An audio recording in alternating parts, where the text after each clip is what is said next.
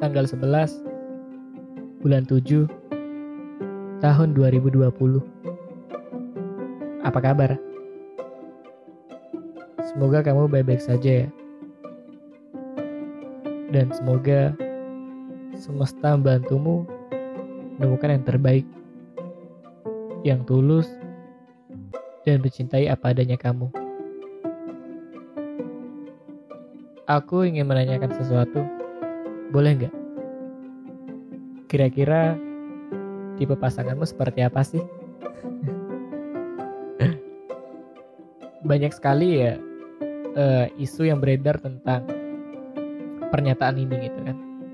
Yang di mana ya mungkin teman-teman pasti mengikuti karena ini udah jadi trending di Instagram maupun di Twitter.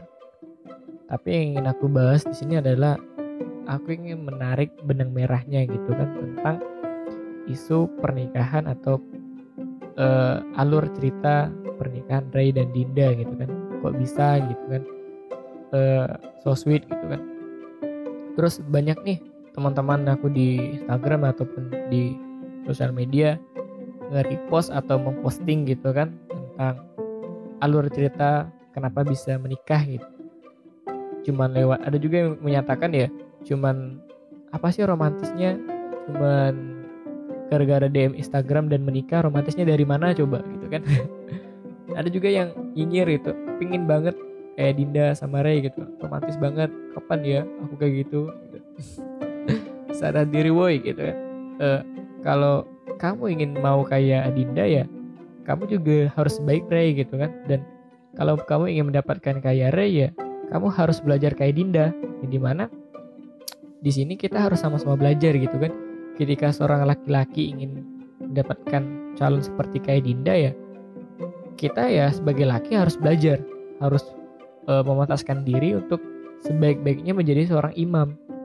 Dan ketika hari ini teman-teman yang perempuan ingin kayak Dinda mendapatkan sosok pasangan kayak Re ya teman-teman harus belajar dari Dinda gitu kan. Bagaimana cara berubah bagaimana cara untuk memantaskan diri bagaimana untuk memperbaiki diri.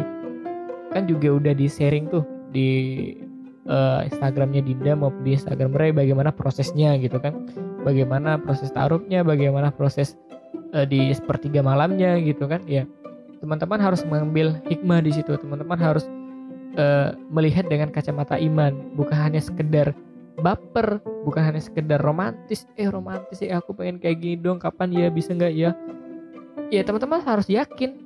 Bisa gitu. Bahkan teman-teman bisa mendapatkan mungkin lebih dari mereka berdua gitu. Karena ya tidak ada yang tidak mungkin di dunia ini. Ketika Tuhan berkata iya ya iya. Balik lagi bagaimana proses kita mempersiapkan diri kita ini. Bagaimana uh, kita membuat diri kita ini layak untuk diperjuangkan layak untuk dipilih layak untuk memilih.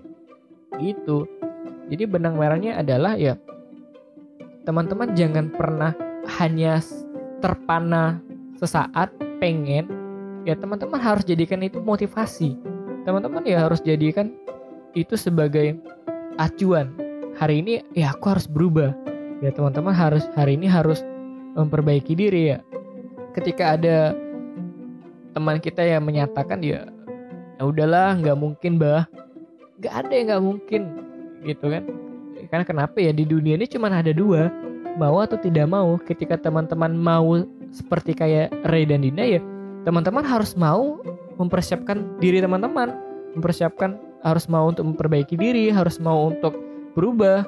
Yang hari ini mungkin mohon maaf gitu kan masih pakai jilbab yang uh, masih belum pakai jilbab panjang atau masih belum pakai kaos kaki ya. Teman-teman harus mempersiapkan diri teman-teman ya harus mau berubah gitu kan ketika teman-teman harus mau mau kayak Ray dan Dinda jika teman-teman tidak mau ya teman-teman jangan sampai membuat orang lain down gitu. Orang lain jadi minder atau insecure gitu kan. Ya teman-teman harus support gitu. Ketika hari ini kita masih belum mau atau tidak mau ya kita tidak boleh uh, menghakimi orang lain untuk melakukan itu gitu kan. Ya kita saling support lah. Di mana kita saling mendukung gitu. Bukan hanya sekedar uh, nyinyir gitu kan. Ya sadar diri lu gitu kan ya. Ya teman-teman harus sadar gitu kan. Harus sadar diri bukan berarti sadar diri itu membuat diri kita down tadi. Bukan berarti membuat diri kita ini ya uh, minder. Jadikan itu sebagai tantangan. Jadikan itu sebagai acuan buat teman-teman harus sadar. Kan sadar diri gitu. Harus lebih sadar ya. Kita harus berubah.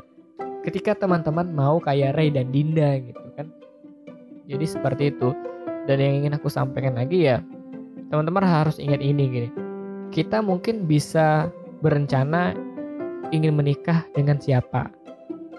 Tapi kita tidak akan bisa memberikan cinta kita kepada siapa atau memberikan cinta kita ke siapa. Karena kenapa ya? Jodoh itu abstrak gitu kan. Kalau teman-teman mengikuti podcast saya sebelumnya, saya ada bahas tentang jodoh itu abstrak. Yang di mana ya, kita nggak tahu jodoh kita siapa. Bisa jadi ya, teman dekat kita, bisa jadi orang lama, bisa jadi ya orang yang tidak memungkinkan untuk eh kok aku bisa ya nikah sama kamu ataupun ya kayak Ray dan Dinda gitu kan cuma sekali dua kali ketemu saling follow followan di Instagram ya saling DM dan saling stalker tiba-tiba ya serius kan kita nggak akan tahu makanya dari itu ya langkah pertama yang kita lakukan ya tadi kita harus mau untuk berubah kita harus mau membuat diri kita layak dipilih layak diperjuangkan, layak memperjuangkan, dan layak memilih. Gitu. Karena tidak ada hidup yang tidak mungkin. Dan selanjutnya teman-teman harus paham, teman-teman harus mengerti ya, menikah itu adalah nasib dan mencinta itu adalah takdir. Tadi saya bilang kita bisa berencana menikah dengan siapa, tapi tak bisa kita rencanakan cinta kita untuk siapa. Ketika teman-teman mau mau ikut atau tidaknya ya mari kita luruskan niat saja insya Allah ya usaha akan sampai kok gitu. dan teman-teman harus ingat gitu penampilan tidak meyakinkan bahwa dia itu baik atau tidaknya terkadang kita punya keinginan tapi keadaan punya kenyataan terakhir yang ingin aku sampaikan kepada teman-teman ya semangat dan jangan pernah menyerah jangan down jangan insecure ketika kita masih gini-gini aja gitu kan. Bukan berarti saya yang bilang seperti ini saya jauh lebih baik dari teman-teman tidak. Karena di sini saya juga masih belajar dan ayo kita sama-sama mari memperbaiki diri untuk dia. Iya dia masih dirahasiakan. Kita nggak tahu dia ini siapa gitu kan. Bisa jadi jodoh bisa jadi maut jadi kita harus mempersiapkannya dari sekarang gitu kan. Dan jangan lupa ketika kita sudah mau dan lagi di tahap proses perubahan itu jangan pernah lupa ya kita tidak bisa terhindar dari cibiran manusia. Karena selagi kita hidup ya kita tidak bisa menghindar dari omongan orang kita tidak bisa menghindar dari uh, netizen gitu kan. Karena kenapa ya kita masih hidup kalau teman-teman ingin udahin pernyataan itu atau sindiran netizen ya. Hari ini kita harus udah. Gak usah hidup di dunia gitu kan. Tapi gue mau gimana lagi gitu kan. Jadi seperti itu itulah uh, hidup seperti roda berputar terkadang kita di atas dan terkadang kita di bawah gitu. Jadi hari ini aku sampaikan kepada teman-teman ya hiduplah apa kata Tuhan jangan hidup apa kata orang. Kehidupanmu kita yang ngatur kehidupan orang ya orang itu yang ngatur ketika hari ini kita hidup dengan apa kata orang ya kita tidak hidup dengan apa-apa yang kita inginkan. Semangat, semangat dalam memataskan diri.